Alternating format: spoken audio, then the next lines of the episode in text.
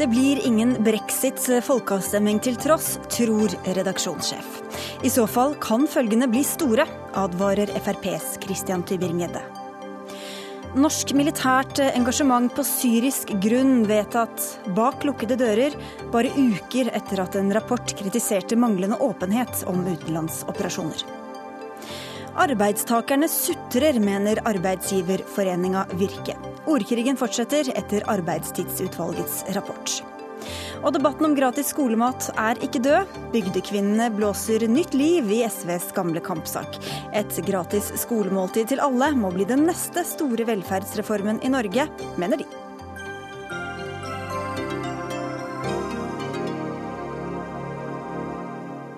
Og det er bare noen av sakene i Dagsnytt 18 i dag. Jeg heter Sigrid Solund.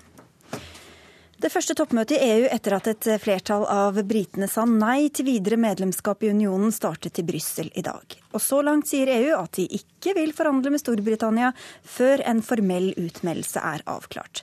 Det var beskjeden fra EU-toppmøtet til den britiske statsministeren David Cameron. Tore Tollersrud, du er korrespondent i Brussel. Cameron har tidligere selv sagt at de bør vente med utmeldelsesprosessen til en ny statsminister er på plass. Må han gi etter for presset nå for å få en fortgang i en formell utmeldelse? Nei, ingenting eh, tyder på det. Det er riktignok stor utålmodighet i EU. Men prosedyren er nå engang slik at det er britene selv, den britiske regjering, som må trykke på knappen og utløse denne såkalte paragraf 50 i EU-traktaten. Eh, jeg snakket eh, for ikke lenge siden med den norske statsministeren Erna Solberg, som var eh, her i Brussel på møte med de øvrige konservative partiene. og Hennes inntrykk også var klart at de som var til stede der, og Da snakker vi da om bl.a. Tysklands Merkel og kommisjonspresident Juncker at de også godtar at britene trenger noe tid til å områ seg. At man må godta at det ikke kommer eh, at ikke britene trykker på denne knappen før i begynnelsen av eh, september. Så hørte jeg også akkurat eh, parlamentspresidenten Martin Schulz snakke på en pressekonferanse her, og han sier jo at dette ikke er bra i den forstand at det da kanskje ikke ting kommer i gang før over nyttår, for britene skal også ha en ny regjering på plass. Og da kanskje ikke Storbritannia er ute av EU før i starten av 2019. Nå har møtet bare vart et par timer. Hva mer kan komme ut av det? Ja, vi må jo forvente at på denne arbeidsmiddagen uh, som skal være i kveld, så må David Cameron svare på en rekke kritiske spørsmål fra utålmodige EU-land. Uh, de vil vite, de vil ha klarhet på hva britene kan gjøre når, slik at EU kan komme seg videre så har David Cameron uh, vært uh, i det forsonlige hjørnet, han også, på den måten at han sier at han vil være konstruktiv. Han ønsker fortsatt et tett og nært forhold til EU osv. Eh, så får vi se hva som, hva som, kommer ut av det. I morgen skal i hvert fall de 27 øvrige landene i EU fortsette møtet, og da uten at den britiske statsministeren er til stede. Takk skal du ha, Tore Tollersrud. Alt dette skjer altså etter at 52% av britene stemte mm, for å forlate EU i forrige uke, mens et eh, stort mindretall på 48 ønsket å forbli en del av unionen. Og til tross for denne tydelige beskjeden fra EU om fortgang eh, i prosessen i dag, går spekulasjonene i om hvorvidt britene i det hele tatt kommer til å forlate unionen. For det blir ingen brexit, skriver du i en kronikk i Aftenposten i dag. Mariette Christoffersen Bø, du er redaksjonssjef i Minerva, og du har bodd i Storbritannia i ti år, hvor du var politisk rådgiver for de konservative i det britiske parlamentet. Hvorfor er det slett ikke sikkert at denne brexiten blir noe av i det hele tatt. Nei, det er ikke sikkert. Jeg tror de politiske og økonomiske konsekvensene vil bli eh, rett og slett for store, både for Storbritannia og eh, for EU, å akseptere.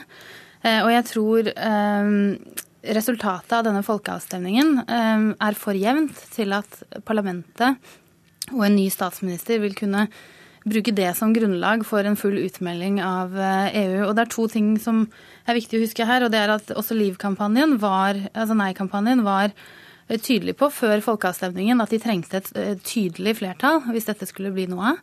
Eh, og så er det også viktig å huske på at denne folkeavstemningen er rådgivende, ikke bindende. Men kan de bare se bort fra den, da? Ja, det ville vært svært politisk vanskelig. Uh, som jeg skriver i kronikken også, uh, om ikke politisk selvmord. Men Eh, parlamentet kan gjøre det, eh, og det er ikke flertall for eh, brexit i parlamentet. Og dette er faktisk noe som blir i fullt alvor diskutert blant ledende politikere i Storbritannia nå. Christian Tubring-Gjedde, du er stortingsrepresentant for Fremskrittspartiet. Hvordan ser du på muligheten av at de rett og slett bare etter hvert ser bort fra hele folkeavstemningen? Ja, Det mener jeg hadde vært helt håpløst. Altså Hvis vi ikke skal lytte til folket, hvem skal man lytte til da? Og så er det en veldig elitistisk tankegang. Eh, det er overhodet ikke sikkert at de økonomiske konsekvensene blir store. Ja, børsene faller, pundet eh, er mindre verdt. Pundet er mindre verdt. Det betyr at britiske varer er enklere å selge og billigere å selge ute. Eh, og på sikt så kan det være at britisk økonomi vil ha, ha nytte av dette, at det blir positivt for britisk økonomi. Og ikke minst vil det være positivt for de som stemte nei, for de har altså en mulighet, hvis man får implementert det som var ønsket, nemlig at du får begrenset arbeidsinnvandringen, slik at noen av arbeidsplassene går tilbake til britene, noe som er håpet. I tillegg til det så er jeg helt sikker på, du må huske at EU er jo ikke normen. EU er unntaket. Man har hatt mye lengre handel mellom nasjonene mens det har vært nasjonalstater. EU kom for 60 år siden. Før det. og Derfor er de eldre også veldig skeptiske, for de har opplevd det som skjedde før EU. Og nemlig ønsker å få tilbake nasjonalstaten sin og selvstendigheten, og det er bra. Men hvis vi da ser på hva politikerne kan komme til å gjøre, fordi det, det kan jo ta tid, eh, som vi hørte Tollersrud også sa fra Brussel her. Hva tror du eh, Bø da kan komme til å skje mens disse forhandlingene pågår, som gjør det mulig å foreta en slags stille snuoperasjon? Ja, jeg tror det mest sannsynlige er nok ikke at eh, parlamentet nå allerede forkaster eh, folkeavstemningen og sier vi blir. Det mest sannsynlige er nok at begynner med litt eh, eh, sonderinger, finne ut hva, hva, konsekvensene vil være.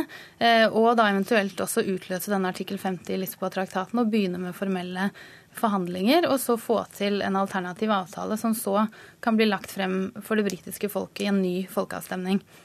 Eh, for det er jo naturlig nå når eh, Nå har de jo allerede stemt eh, et enkelt spørsmål, ja, nei til EU. Men det har jo ikke gitt parlamentet noe mandat til hva slags avtale de kan fremforhandle. Så det er jo naturlig da, slik jeg ser det, at det vil bli en ny folkeavstemning om en slik avtale. Så selv om du kanskje ikke syns det burde være sånn, så kan det like fullt skje? Nei, jeg tror ikke det kommer til å skje. fordi at Hvis man skal få en, en alternativ avtale om går tilbake til EU nå istedenfor utmeldelse, så vil jo andre land i Europa gjøre akkurat det samme. Nederland, Frankrike og alle vil ønske å få en alternativ avtale, altså en ny EU-avtale. Da er jo EU noe helt annet. Da er det politiske prosjektet avlyst, og da går tilbake til det som var kjernen, nemlig handel. Eh, og det er det jeg ønsker at det skal skje også i Europa, at man fortsetter å handle med hverandre. For det er jo ikke slik at man ikke vil handle med hverandre selv om det ikke finnes noe EU. Har man en vare som andre ønsker, så vil man selvfølgelig kjøpe den og selge det man har som andre vil ha. Men hva tror du kunne skjedd, eller hva frykter du kan skje hvis det etter hvert viser seg at de ikke da følger denne folkeavstemninga sånn som var trodd? Det er stor sosial uro i mange land i Europa, og protesten til høyre og venstre er store. Og Hvis man nå ikke lytter til folket enda en gang, man leverer ikke varene, verken de konservative eller sosialdemokrater, da er jeg redd for at det kan bli opptøyer i Europa. Og det må vi for all del unngå. Derfor må vi respektere folkets valg. Ja, For hvor demokratisk er det? Hvis de, altså de som har gått og stemt, de tror vel at det faktisk skal skje? Hvis de da velger å se bort fra det? Ja, det, jeg, det er jeg helt enig i. Det vil ikke være veldig demokratisk. Eh, og det er derfor jeg tror at uansett hva som skjer nå, så vil det føre til politisk kaos i årevis fremover i Storbritannia. Eh, men så er det Dette er jo problemet med folkeavstemninger. Du, du, stiller et veldig enkelt spørsmål som det er veldig vanskelig eh, å sette seg inn i fulle konsekvensene av, av det. Eh, og vi ser jo nå i Storbritannia at veldig mange Eh, som har stemt nei, de rett og slett føler at de ikke har vært godt nok informert fra politikere og media om hva de faktisk har stemt nei til. Ja, for Man kan jo spørre om det er det er egnet til å ha folkeavstemning, og, og, hvor demokratisk det er da at nesten halvparten skal liksom få sin framtid avgjort av at to, 4 prosentpoeng var eh, ja, det, det, er selvfølgelig et, eh, et, godt spørsmål. Men han går ut og sier det var ingen i Storbritannia som trodde dette var rådgivende. for å si det sånn. Eh, begge sidene var helt tydelige på at dette var noe som de konsekvensene var enten at man ble eller at man uh, meldte seg ut. Og Når da et flertall sier at man melder seg ut, så er dette en folkeavstemning som man har sagt. Du kan si Cameron gjorde en uh, dårlig politisk vurdering, og som endte hans politiske uh, avgang. Men, men, det, når man først har gjort dette, så må man følge folket. Jeg frykter at hvis man ikke gjør det fremover, så kan man jo ta andre paralleller til andre land på andre spørsmål. Og man ville ikke sagt sagt, hvis det hadde vært motsatt, hadde sagt at vi skal bli med 2% så hadde ingen sagt at dette er for knapt, nå må vi jaggu ta en avstemning til. Ja, nei, jeg tror dette er, dette er, jo som pest eller kolera for den neste statsministeren i Storbritannia. og Jeg tror det vil bli veldig vanskelig Eh, å finne en ny statsminister som faktisk er villig til å gå for full utmeldelse mm. Eh, basert på dette her. Det sikreste kortet er nok for brexiterne er nok Boris Johnson, men til og med han tror jeg ikke er Han har aldri vært veldig tydelig for utmelding fra EU. Han er EU-skeptisk, sånn som alle britiske politikere på den konservative siden er. Men, eh, og han har allerede begynt å snu litt grann i talene sine. Han sier vi kan ikke snu ryggen til Europa. 52-48 eh, er ikke en overveldende majoritet, har han sagt. Og vi må også ta hensyn til alle de som ønsket å bli, sier han. Men det er jo ikke å snu ryggen til Europa. Man snakker ikke være medlem av en politisk union. Det er ikke noe med Europa å gjøre sånn isolert sett. Selvfølgelig skal britene en del av Europa. De er jo plassert og lokalisert i Europa, så selvfølgelig vil de handle med andre land. Poenget er EU man diskuterer, ikke hvorvidt britene skal ha et forhold til Europa eller ei. Og så er jo spørsmålet litt når uh, mye av um, EU-skepsisen ofte begrunnes også med toppstyring og elitistisk uh, liksom, styring fra Brussel. Hvordan man skal klare å manøvrere seg bort fra en folkeavstemning uten å få de samme beskyldningene rettet mot seg som britisk eh, politiker. Jeg tror nok alternativet her for Storbritannia, en norsk løsning som mange har skissert, vil nok være demokratisk mye verre. Eh, for Storbritannia. Noe annet er jo for Norge som ikke, aldri meldte seg inn, men Storbritannia har vært integrert i 40 år. Sitter i alle styrer, råd, i parlamentet. Og det å trekke ut alle beslutningstagerne sine i EU, men fortsatt måtte ta imot eh, alle reglene, det vil være politisk uspiselig i Storbritannia. Altså, Storbritannia kan få en god avtale med USA, de får sin gode avtale på handel med, med, EU.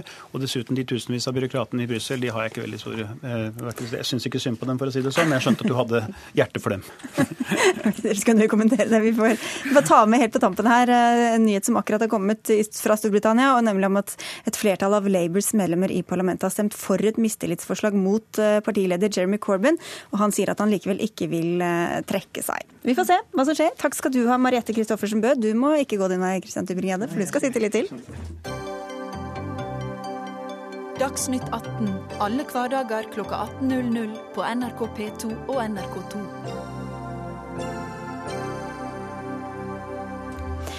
Åpninga for norske soldater på syrisk grunn møter stadig sterkere motstand i Stortinget. For bare få uker siden kom Godal-rapporten om Norges innsats i Afghanistan, som bl.a. konkluderte med at det er viktig å få mer åpenhet i forkant av internasjonale operasjoner der Norge skal delta. Men rett før helga ga flertallet i den utvidede utenriks- og forsvarskomiteen bak lukkede dører støtte til regjeringa for at de norske soldatene som skal trene opp syriske opprørere i Jordan i kampen mot IS, også skal kunne krysse grensen til Syria. Venstre, Senterpartiet, Miljøpartiet De Grønne og SV er imot. Og til denne beslutningsprosessen, Audun Lysbakken, du er SV-leder. Den har du vært kritisk til. Hvorfor det? Fordi den mangler nettopp det Godal-utvalget har etterlyst. Tilstrekkelig åpenhet.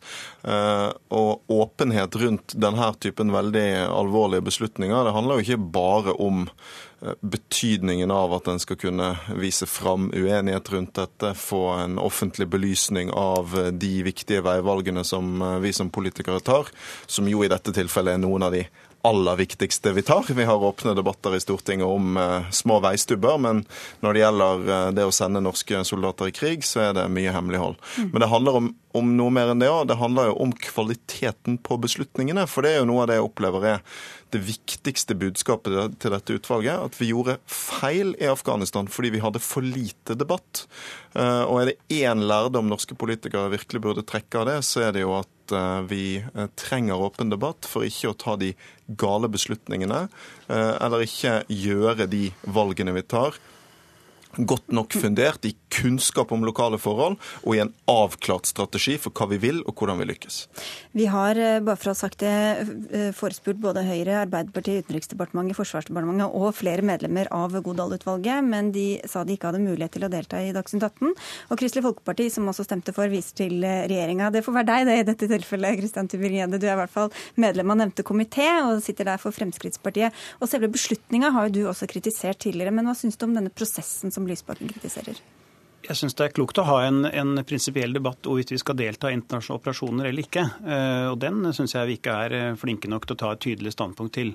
Eh, hvorvidt det norske forsvaret har noe out of area, altså noe utenfor Natos 28 medlemsland å gjøre.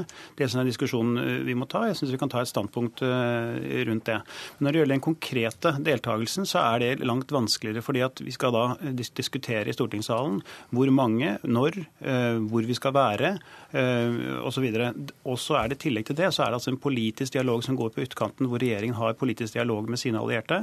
Og vi skal begynne å debattere det høylytt i stortingssalen, slike detaljer, da er vi ute å kjøre. Og da har vi ikke den beskyttelsen for det oppdraget og de soldatene som deltar i, i oppdraget. Men det er ikke bare Lysbakken. Det var altså flere medlemmer av det nevnte Godal-utvalget i Dagsavisen på fredag som etterlyste mer offentlighet og sa at det virket ikke som de hadde lært, og at politikerne ikke tar hensyn til vesentlige anbefalinger om økt åpenhet. Hvorfor tar man ikke det til følge, det som kom fram i denne rapporten?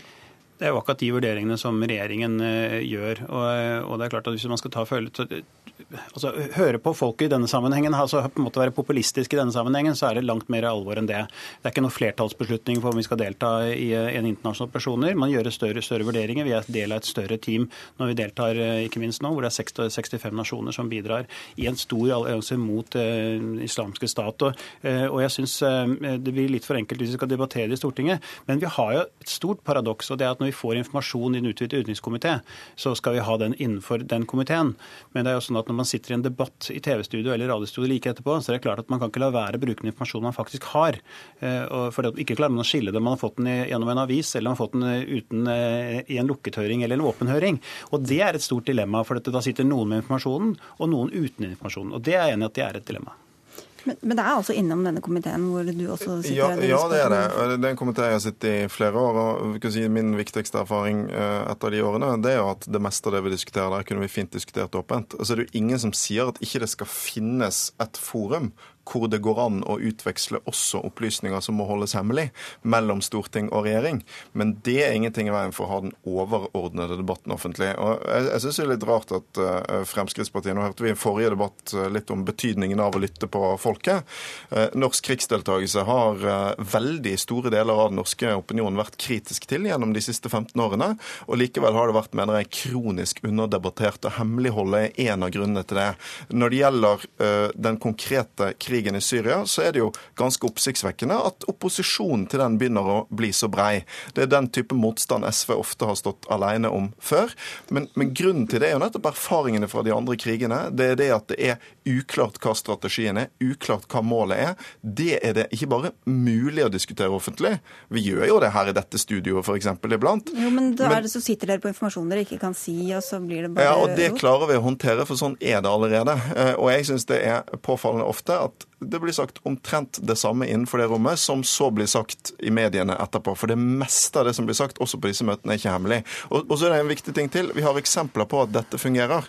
Danmark har vært sammen med oss i akkurat de samme krigene de siste årene. De gjør dette på en helt annen måte. De har åpen debatt i Folketinget og vedtak før de kan sende danske soldater i krig. Det syns jeg er et forbilde. Nå var det populistisk i forrige debatt. Var det helt essensielt å involvere folket i Bringede? Hvorfor skal ikke folk få være med på en sånn stor og viktig Fordi Nå er Lysbakken konsekvent. Han sier vi skal ha en åpen debatt, men det er klart det er opplysninger vi ikke skal diskutere. Altså Vi skal sitte i stortingssalen og ha en åpen debatt, men vi skal holde tilbake noen opplysninger som vi faktisk har. Eh, det, det skulle jeg likt å høre noen som klarer. Og det er slik at eh, Lysbakken sier at vi får informasjon i denne komiteen som, som, alle forstår at vi ikke skal bruke, men det er ikke så mye av det.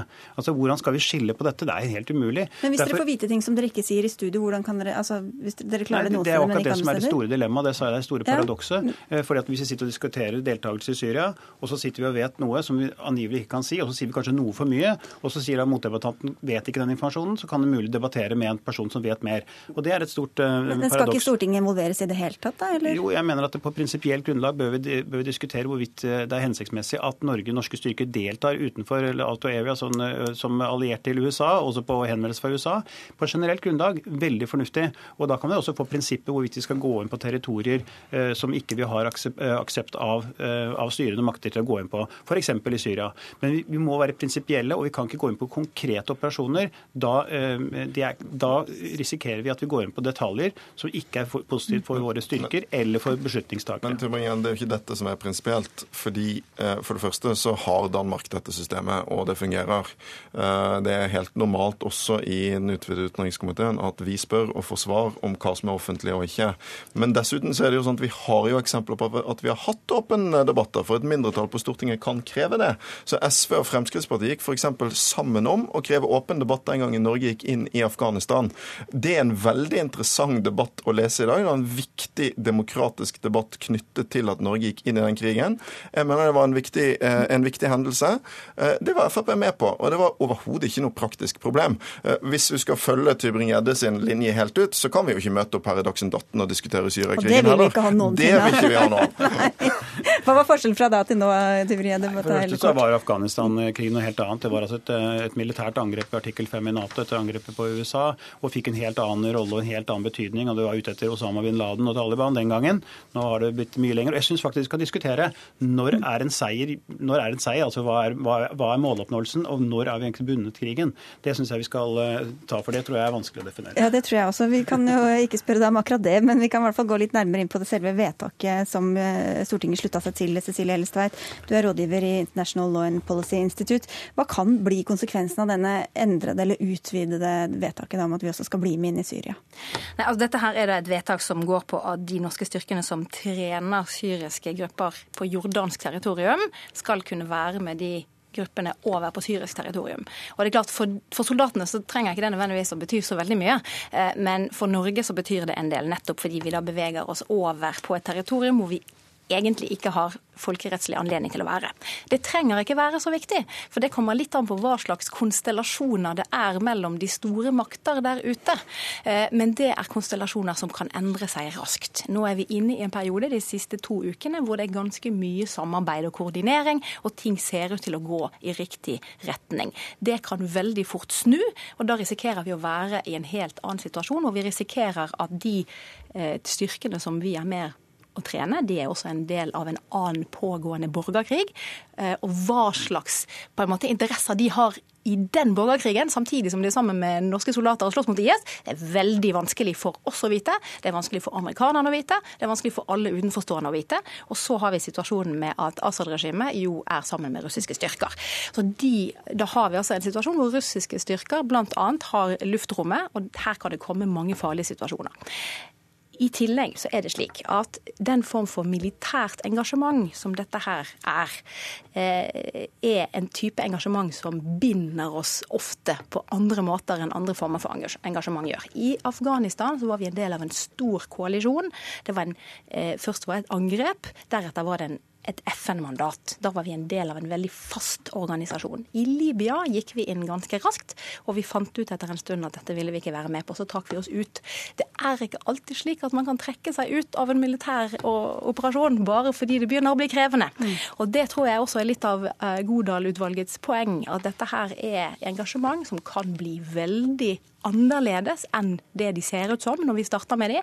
De kan få et omfang for norske menneskeliv, for norske eh, politiske handlingsrom, som er helt annerledes enn det er. Og det vil man gjerne at det skal være en skal vi si, bredere folkelig debatt om, slik at man har folket i ryggen. Så det er økt risiko ved det siste skrittet som vi har, eller utviklingen. Men hva, eller hvor godt eh, har norske politikere etter ditt syn informert om denne risikoen og om faren da, i det åpne rommet? Det er jo et stort dilemma, dette. fordi det er jo en form for Engasjementet kan ikke debatteres i detalj i det offentlige rom, for det er veldig mye informasjon her som ikke kan deles med mm. offentligheten. Og det har også noe med militært engasjementskarakter. For det er ikke det samme som å ha et, et, vanskelig, krevende bistandsprosjekt, som at man skal bygge opp den afghanske stat. Dette her er militært engasjement med motstandere, som er der ute akkurat med det formålet å ødelegge for oss. Og det gjør at du kan ikke ha den samme type debatt når det gjelder militært engasjement, som du kan for praktisk talt alle andre typer politiske beslutninger. Mm. Så det er ikke bare bare å ta den åpne debatten heller? Nei, det blir på prinsipielt grunnlag, og ofte så blir det også på hypotetiske scenarioer. Og det er klart det er vanskelig å få en, en god debatt ut av. Dere nikket begge to ved siden av her, men dere ville ha en liten sluttreplikk? Så jeg tror det bare noen ganger er litt overdrevne eh, bilder av hvor mye informasjon Stortinget får. Stortinget eh, får ikke, og skal heller ikke være inne i den operasjonelle militære siden av norske krigsengasjement. Hva er da poenget med en sånn skinndebatt som man kan få i Stortinget? Jo, men eh, altså, Poenget er at vi må diskutere de store valgene. ikke sant? Hva, er, hva skal være premissene for at Norge går til krig? Eh, det må jo være sånn at vi har en tydelig strategi, at vi har et tydelig mål som er målbart, at vi har en exit-strategi for å komme ut igjen. ikke sant? Problemet Problemet med Syria-oppdraget er at ingenting av dette foreligger. Det er et utrolig viktig politisk spørsmål som vi ikke kan holde unna innbyggerne og de som har valgt oss. Ja, men så La oss ta denne debatten, prinsipielle debatten på et overordnet plan, hvor vi snakker om internasjonale operasjoner generelt. Og ja, Sett gjerne en betingelse at vi skal vite hva exit-strategien er i alle operasjoner vi tar, uten at vi går konkret inn på denne Syria-konflikten. Det kan vi gjøre i salen. da var det en hjertelig avslutning. Takk skal dere ha, alle tre. Audun Lysbakken, Christian Tybring-Gjedde og Cecilie Helles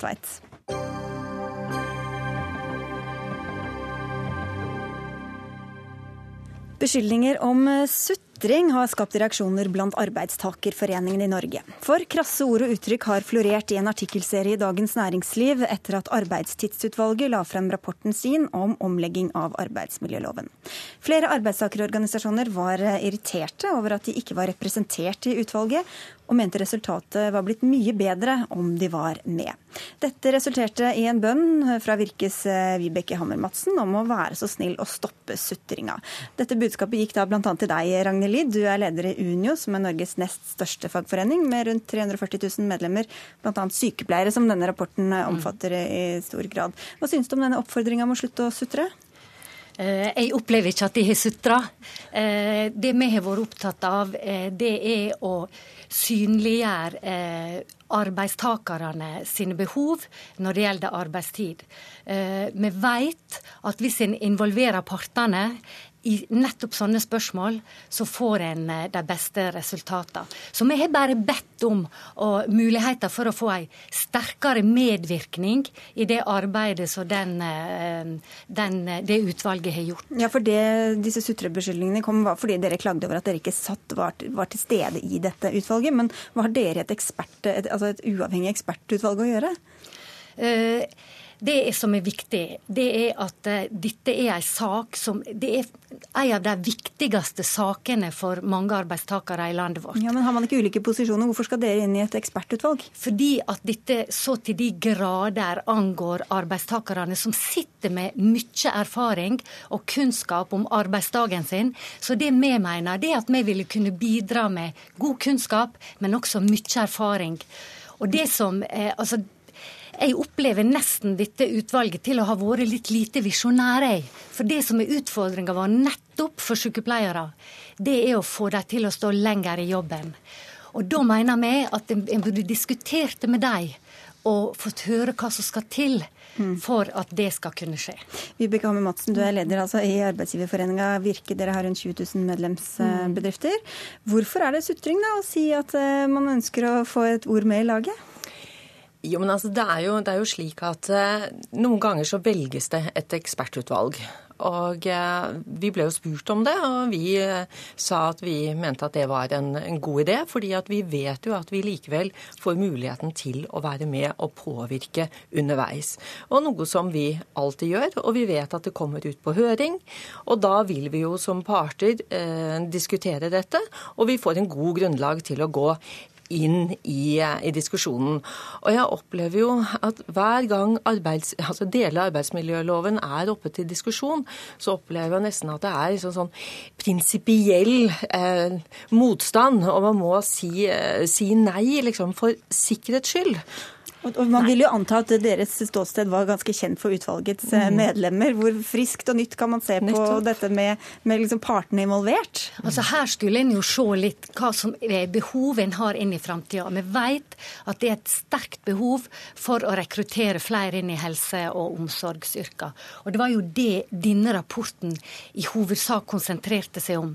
Det vi så når tiltakene kom, det var at her gikk tiltakene på å gi sterkere styringsrett til arbeidsgiverne. Så jeg skjønner jo godt at de er fornøyde. ja, Dere trengte ikke å sitte der, for deres hensyn ble ivaretatt uansett. Ja, men, men jeg syns vi må se på hva som faktisk er, er nå hva som faktisk nå er, er, foreslått. fordi at noe av det som vi jo har etterspurt, og jeg mener utvalget har gitt oss, det er jo en, en forenkling på en slik måte at man har ryddet opp, at vi faktisk kan forstå denne arbeidsmiljøloven og arbeidstidskapitlet bedre. For vi må forstå for å kunne bruke. Og det har vi jo bedt om, og det har vi fått. Og det er altså ikke foreslått noen lovmessig, altså en lovmessig endring av den ukentlige arbeidstiden.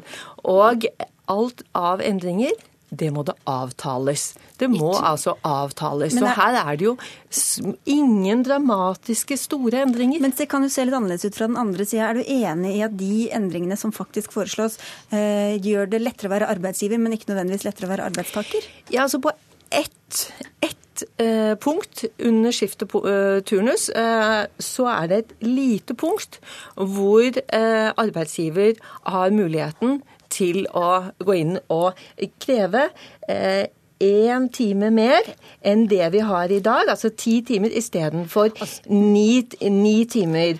Og sånn at det er jo også Det er jo ingen dramatisk men, endring. Men jeg er overraska over å snakke om altså, Er det noe en veit, så er det at skift, i skift og turnus så er f.eks. hviletida veldig avgjørende.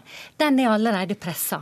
Så én time betyr veldig mye for de som står i skikkelig krevende jobber overfor mennesker. Det handler altså om kortere hviletid, lengre arbeidsdager, flere helger.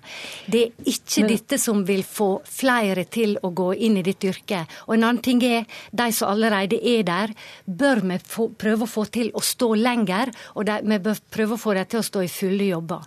Dette er ikke Men... det som motiverer for Men... det. Men Reynhild, altså den lille endringen som er foreslått, som dere viser som høres som en dramatisk ting, da må vi jo stille spørsmål hvorfor er det foreslått. Og det er jo sånn at vi i flere år har hatt muligheter til å finne en løsning på dette mellom partene. Mm. Vi har ikke klart å finne en løsning. Og for arbeidsgiver så dreier det seg jo om å sikre kvalifisert arbeid mm. i eh, helgene. Og det er jo også, som vi er enige om, for redusert deltid Og da vet jeg hva svaret er det er økt grunnbemanning. Nei, nei, det var jeg faktisk ikke da, tenkt å si. Jeg var tenkt å si at det, vi har inngått mange tusenvis av avtaler. Det er bare en håndfull der en ikke har funnet løsning. Men, men det, og det å sette i gang et så stort arbeid for å løse det, med et fokus på ei yrkesgruppe, det er det vi har reagert på. Er det grunn til å tro at utvalget hadde kommet til noen annen konklusjon dersom dere hadde sittet der, da? Altså, Der er jo et stort mindretall i utvalget av arbeidslivseksperter som støtter våre synspunkt. Så dette er ikke et enstemmig utvalg. Her har det vært et flertall og et mindretall. Jeg syns vi skal lytte til de arbeidslivsekspertene som peker på utfordringene med helse og sikkerhet i Men Ragnhild, det høres jo ut som her skal mange jobbe mye mer. Men forslaget som ligger på bordet her, er jo at om du jobber noe mer eh, en periode, så må du jobbe tilsvarende mindre en annen gang. Fordi at det gjennomsnittlige tallet over fire uker ja, men, er faktisk ikke rørt. Så det er jo ikke de store endringene for å dette er stort dette. for den yrkesgruppa som spesielt er ramma av det som utvalget har Men dere ønsker jo færre deltidsstillinger. Dere ja. ønsker at vi har kvalifiserte hjelp på søndagene. Og dere ønsker at vi skal være der for brukerne denne å gå fra ti til ni timer, det har vært inne. Er det? Er jo ikke sant? Det, det, det kan svare veldig, veldig mye. Til slutt, altså, det, det, det, er nettopp det mm. jeg etterlyser. Å høre på de som er berørt av dette, og som kjenner på dette, og som kjenner på konsekvensene. Det er det vi har etterlyst. Og, da skal, det gjør vi. Ja, nå skal det vel behandles politisk, og da regner jeg med at dere har alle kontaktene dere trenger eh, inn dit. Takk skal dere ha, begge to, Vibeke Hammer Madsen og Ragnhild Lid. Takk. Música Folk ønsker å spise mer økologisk mat, men de store bondesamvirkene Tine og Nortura står i veien for utviklinga. Det kan vi lese i en kronikk i Dagens Næringsliv eh, i dag, hvor det spås at halvparten av oss kommer til å spise nesten bare økologisk om noen få år. Men da må de virkelig store matprodusentene tørre å satse. Du står bak kronikken, Jon Frede Engdahl. Du er en av dem som var med på å starte Kolonihagen, som driver økologisk både bakeri og restaurant- og matkassetjeneste. Det er jo tilbud fra både Tine, Gilde og Prior, de store bondeeide merkevarene allerede i dag om økologiske matvarer. Hva er det du det savner? Det er fint lite. Og vi har jo da i mange år nå prøvd å rope høyt at dette gapet mellom tilbud og etterspørsel kommer til å bli gigantisk. Og nå begynner vi å se liksom virkelig utfallet av dette her. Dagligvare melder om en vekst på 20 økning i økologi i fjor. Enkelte kategorier som barnemat selger mer enn 50% økologisk andel i, i, i hvert fall de store byene.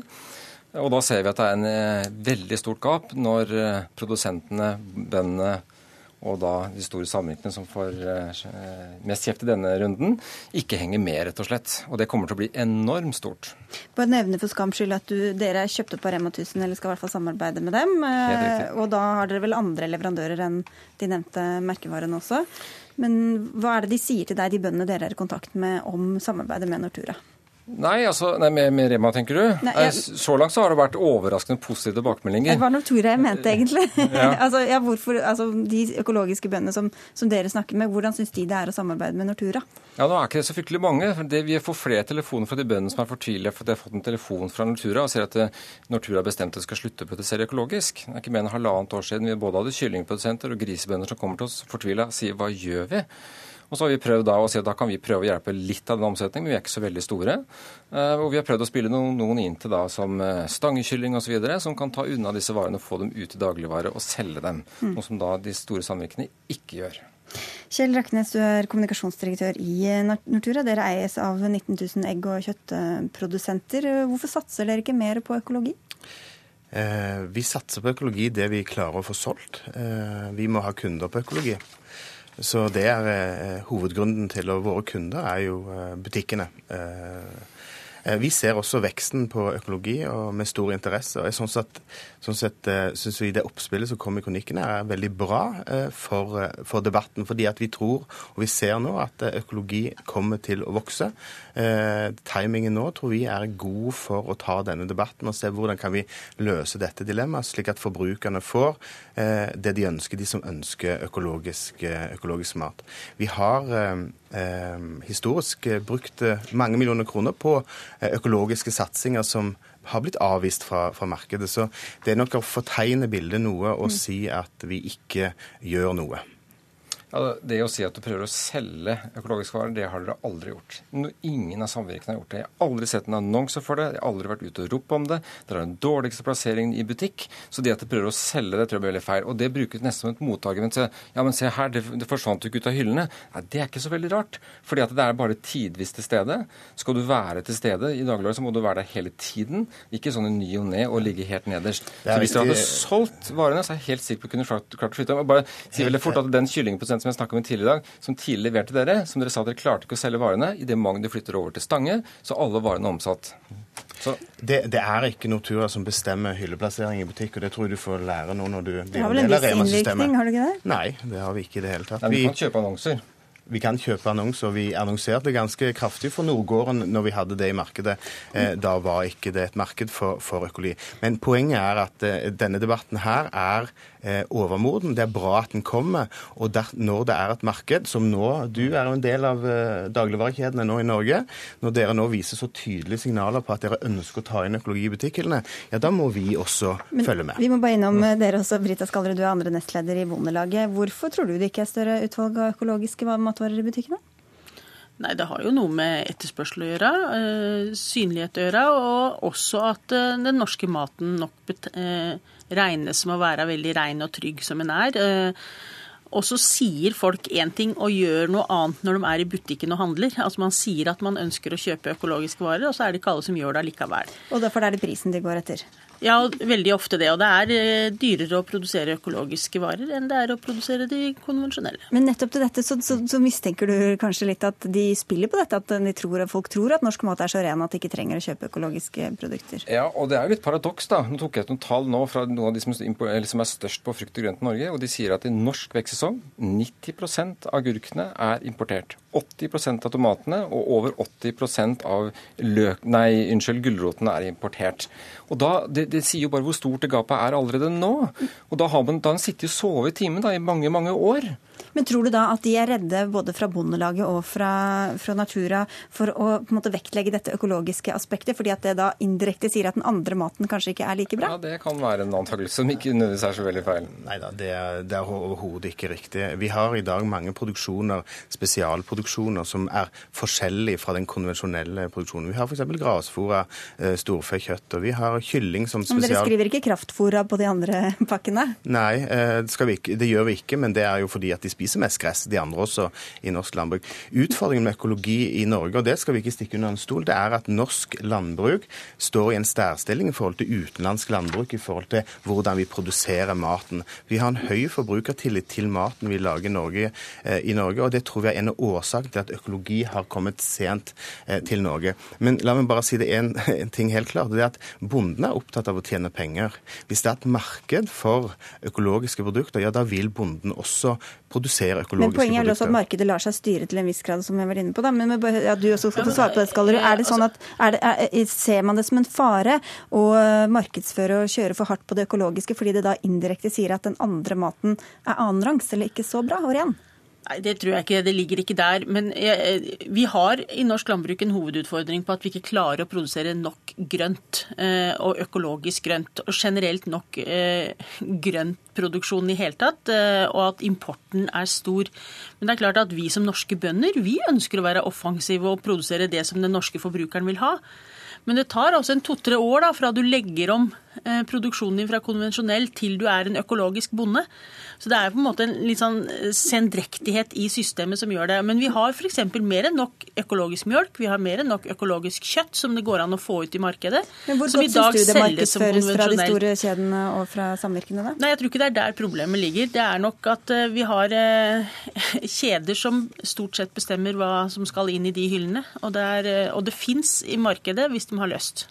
Jeg blir jo veldig glad når jeg hører litt sånn antydning til, til, positivitet og sporing her. Og jeg hørte eh, lederen i Bondelaget for ikke så lenge siden for første gang begynne å bruke ordet økologi og si at jo, dette her kanskje er noe som som kan se ut til å, å, ta litt av. Og Så sier han nesten samme åndedrag at ja, men vi får vente og se litt, for det kan være noe som går over. Og Jeg tror det har vært en sånn overordna holdning eh, i både Bondelaget og i samvirkene at dette her er noe som går over.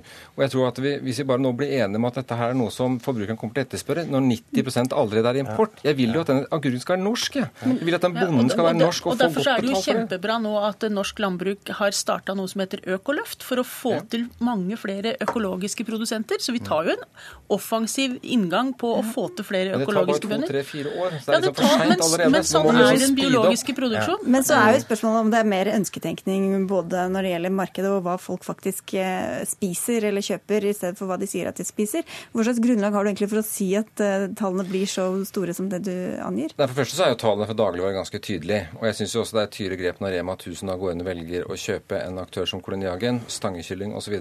Den satsingen de legger til grunn, er fordi de er helt overbevist om at det markedet kommer til å ta. Og så er bonusen at de andre, både Norgesgruppen og Coop og de andre, kommer til å gjøre det samme.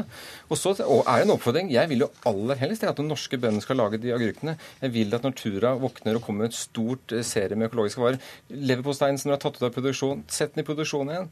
Altså, det er jo det som jeg bare vil. Jeg ønsker jo ikke å drepe deg. Jeg ønsker ikke bare å, å stikke litt så du, så du våkner og får deg resten i ledelsen. Og jeg syns også at, at eh, altså, eh, økologi teknologi har kommet for å bli. Det er det ingen som helst eh, tvil om.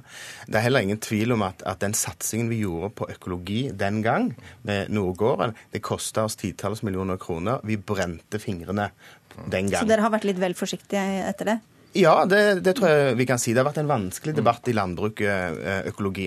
Eh, for eh, bonden og for Nortura så er det hefta med ganske stor risiko å utvikle konsepter vi ikke vet om vi får solgt. Det tar tre år å legge, om et, legge, om et, bruk. Hvis vi skal selge kjøtt som er økologisk, så trenger vi omsetning på hele dyret, ikke bare biffene og filetene. Men vi trenger omsetning på alt. Det har med etikk å gjøre. Så, så ja, vi satser på økologi. Ja, Du nikker også fra Ja, Vi kommer til å fylle markedet med det som er mulig å fylle markedet med når det gjelder økologiske produkter.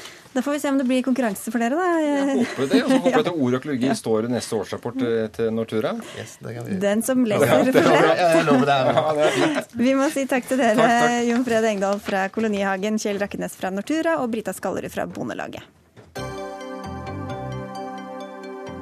Hør Dagsnytt 18 når du vil. Radio NRK Radio.nrk.no.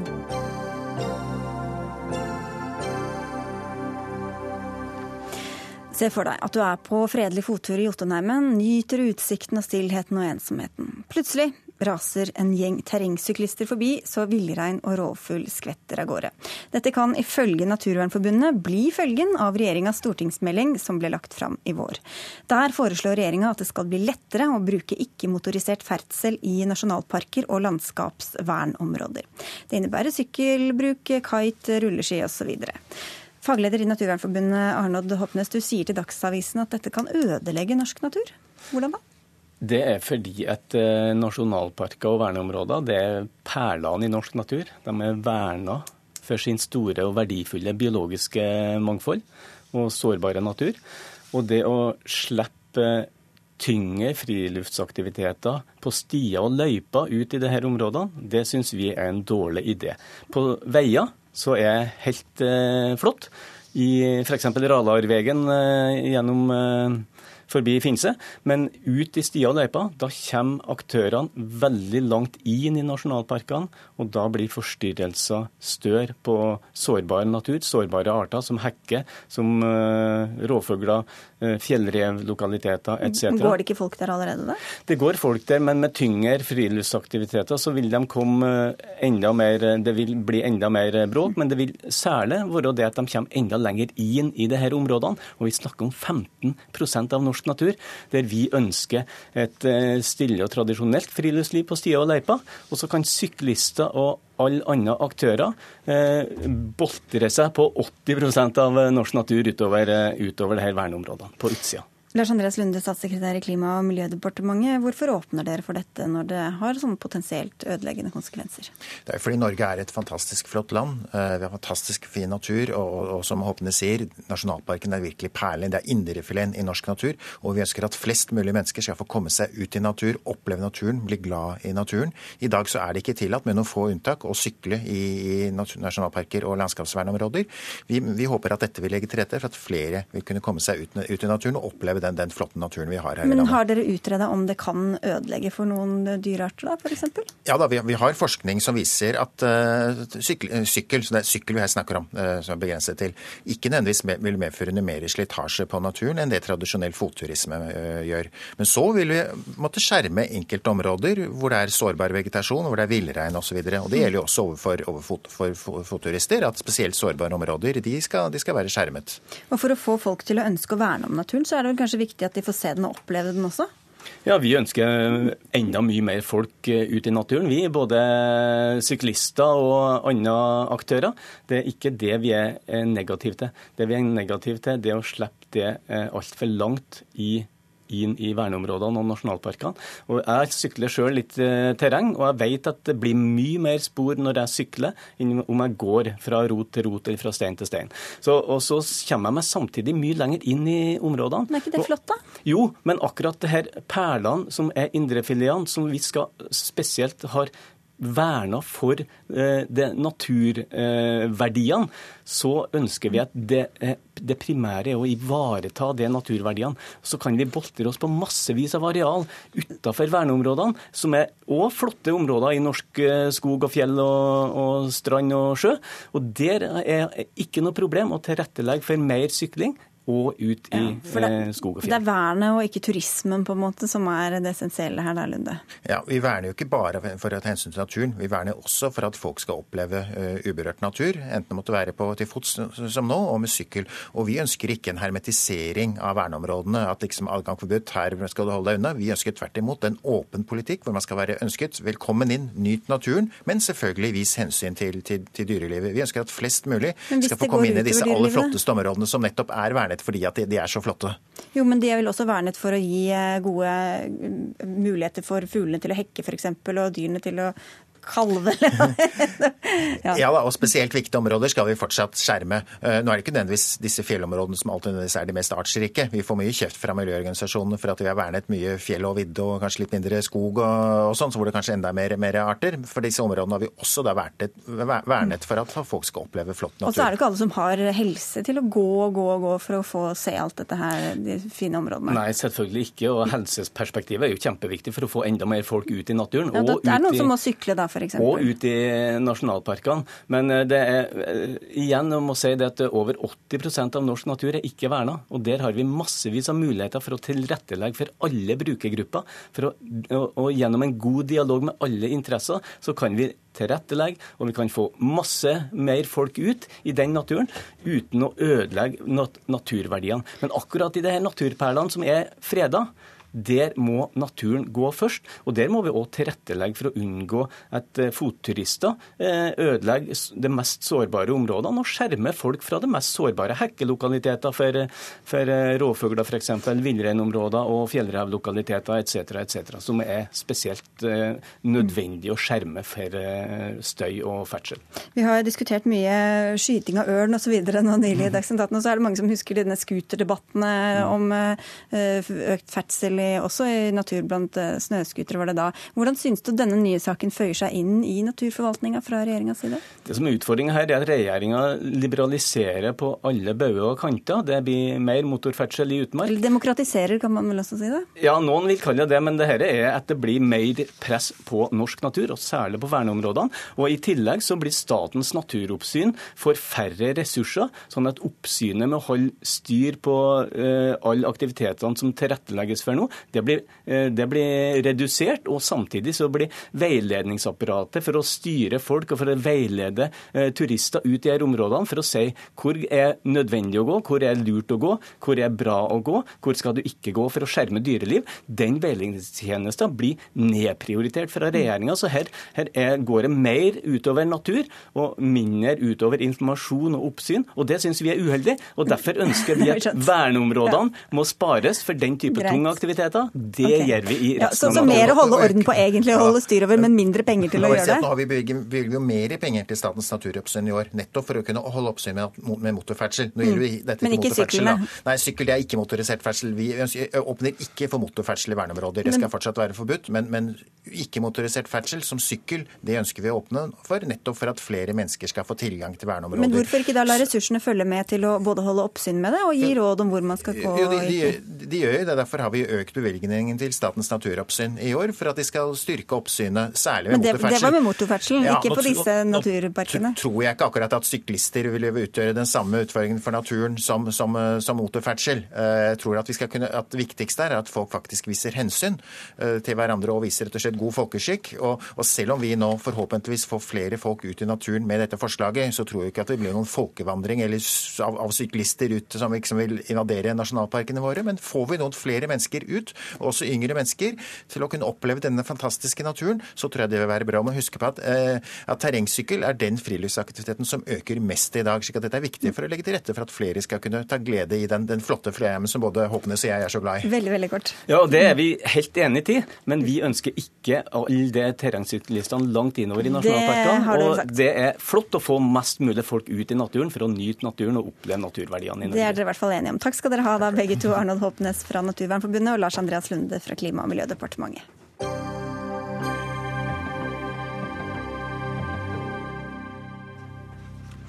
Er den norske matpakketradisjonen en garantist for at alle barn får i seg sunn og næringsrik mat på skolen? Nei, mener Norges bygdekvinnelag, som i en kronikk på NRK Ytring i dag tar til orde for at et gratis skolemåltid til alle må bli den neste store velferdsreformen i Norge.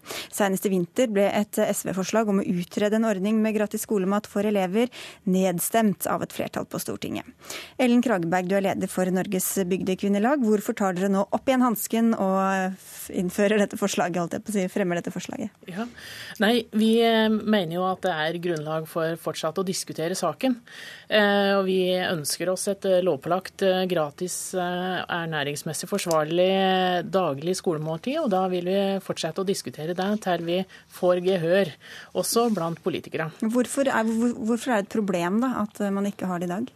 Ja, det er jo um, et problem for at det er altfor få eh, får den riktige og gode maten som skal til for å få god læring og, og god helse. Så eh, på læringsforhold f.eks. så går det på konsentrasjon, og det går på yteevne og læringseffekt. Og så går det òg på eh, det sosiale aspektet, at en samling om det felles skolemåltidet eh, virker sosialt utjevnende. Det blir mindre mobbing, det blir større integrering. Så det er mange, mm. aspekter her som gjør at det er bra med skolemåltid. Både bedre læring og sosial utjevning. Kun Gudmundsen, du er stortingsrepresentant for Høyre. Hvordan kan dere være imot det? Nei, men Det er vi jo ikke imot. Eh, men på en annen side så handler jo det her om vi skal ha et statlig finansiert gratis måltid i skolen. Eh, og En rapport fra Forskningsrådet viser jo at nærmere ni av ti elever har med seg en sunn matpakke på skolen. Eller 8,5 av 10? Ja, 86 eh, og det er nærmere ni av ti. Men ok, altså poenget er at mange har med seg dette allerede. Og da blir jo det et spørsmål om å prioritere. Men de utgjør jo 86 000 barn og unge, da, de som ikke har med seg denne matpakka. Hvorfor skal skolen være en arena hvor man da skal videreføre de klasseskillene som de allerede går inn i skolegangen med? Det er klart, Vi må finne gode og målretta løsninger for de som eh, kanskje ikke har det så greit hjemme, eller der det er dårlige matvaner. Eh, derfor er det jo også at vi i folkehelsemeldinga har varsla en gjennomgang av de støtteordningene som finnes på frukt og grønt, og som er i landbruksavtalen innenfor meieriprodukter. At det kan få en bedre sosial profil og, og kanskje nå nettopp denne målgruppa bedre. Men det er altså 3,6 milliarder kroner eh, som det hadde kosta å gi alle disse barna en eh, gratis skolemåltid. Hvorfor er det god pengebruk og målretta pengebruk? Ja, Vi i Bygdekvinnelaget mener at det er en riktig prioritering. Og, og det, eh, det, er klart det koster med mat. Og det tror jeg er et stort poeng her òg, at for å få den gode og ernæringsriktige maten, så må vi betale litt. Grann, Og kanskje er det som er feil i dag, at eh, ikke alle får tilgang på den maten. Og senest i dag så var det en ny undersøkelse som kom fra UiO, som viser at tallene er ikke så, så rosenrøde som eh, du sier. Det er ganske mange som har med seg matpakke. I åttende klasse så er det 70 nå som har med seg matpakke i den eh, dagens eh, den tall. Men som spiser lunsjen sin, så er det bare ta åttendeklasseelever, så er det bare 59% som spiser lunsjen. Men hvorfor er det grunn til å tro at de hadde spist det mer hvis de hadde fått det på skolen, da? Jeg, jeg tror at hvis du får servert et godt måltid eh, og får lov til å bruke tid på å sitte og ete, så eh, er det mye bedre. Eh, det er mye flere som får med seg maten, og det er verdifullt eh, for læringsarena. Jeg skulle bare lese opp noen sitater her. Jeg skulle ønske at skolen min datter går på hadde et slikt tilbud om gratis skolemat, eller skolemat. De blir jo lei disse forslagene, nei, disse mat matpakkene. Unnskyld. Da gjaldt et forslag om å la flyktninger lage skolelunsj til barna. Foreldre og skolebarn er vinnerne i dette forslaget. Det var Sylvi Listhaug som sa dette. Er du ikke enig? Men eh, dette er jo det jeg peker på i forhold til både folkehelsemeldinga, men også eh, nå sist i revidert nasjonalbudsjett, hvordan man innretter nå eh, bl.a. integrering og, får dette i et samspill med næring til å kunne løses lokalt med gode modeller som gir skolemåltid. Men. Men litt ut av utfordringa her, som du så vidt var inne på, er jo at selv om man både har med matpakke og får gratis skolemat, så er det ikke dermed sagt at man spiser den. Og det skyldes jo at altfor mange skoler i dag ikke setter av tid til å ha gode rammer ja, men for Dere kan jo si at det skal skje begge, begge deler, da, at man både Jo, skal men- sette av tid og penger. Men som sagt, dette koster 3,6 milliarder, og da har du ikke tatt med engang alle investeringer i skolebyggene, som er tosifra milliardbeløp. Så når du skal prioritere, så vet vi at mange unge mennesker i dag ikke kan lese og skrive skikkelig når de går ut av grunnskolen. Da vil jeg prioritere Ja, men- de mange milliardene på tidlig innsats, når vi tross alt har nærmere ni av ti som tar Ja, med det- matpakken allerede. og så må vi heller sette av tilstrekkelig tid, sånn at vi kan få gode vaner for en Ja. god lunsj, et godt måltid på skolen. Men jeg skulle spørre deg, fordi at du sier at du snakker om støtteordninger, frukt og grønt osv. til de som ikke har matpakke. Hvorfor ikke heller gjøre det, snu på det og si at alle får eh, måltid, og så kan de som har råd til det betale for det, og så har man unntaksregler for dem som har eh, foreldre med lav inntekt. Ja, men Det er jo sånne ting vi skal se på. Eh, Det er jo en innretning av disse midlene på en bedre måte som er målet nå med denne gjennomgangen. Og Da tenker jeg at en sosial profil der når man søker på frukt- og grøntordninger eller på meieriproduktene, så vil man kanskje ta hensyn til eh, familiebakgrunn og inntekt. Og slik sett så synes jeg det er, det er bra at eh, Helsedirektoratet nå har eh, utlyst en ordning på prøveprosjekt eh, på skolemat. og Bygdekvinnene er med. Bygdekvinnene er gjerne med på det, og vi har engasjert oss i den saken og har støtta opp om Helsedirektoratet sin utlysning og informert våre lokallag om at her skal det være lokale samarbeidspartnere. Mange har vært med. Vi har hatt avisinnlegg i lokalaviser og, og syns at det er virkelig bra at vi får fram mer kunnskap om dette her med skolemat og hvordan det virker. For da, når flere får se det, at det virker, så er jeg helt sikker på at prioriteringsviljen og evnen kommer etter hvert. Begynner i lokalet, og så får vi se om det blir nasjonalt etter hvert. Vi er nødt til å avrunde der. Takk skal dere ha, begge to. Ellen Krageberg fra Bygdekvinnelaget og Kent Gudmundsen fra Høyre. Det var det vi rakk i dagens Dagsnytt 18. Ansvarlig for innholdet var Dag Dørum. Det var Frode Thorshaug som hadde det tekniske ansvaret, og jeg heter Sigrid Solund og ønsker en god kveld videre.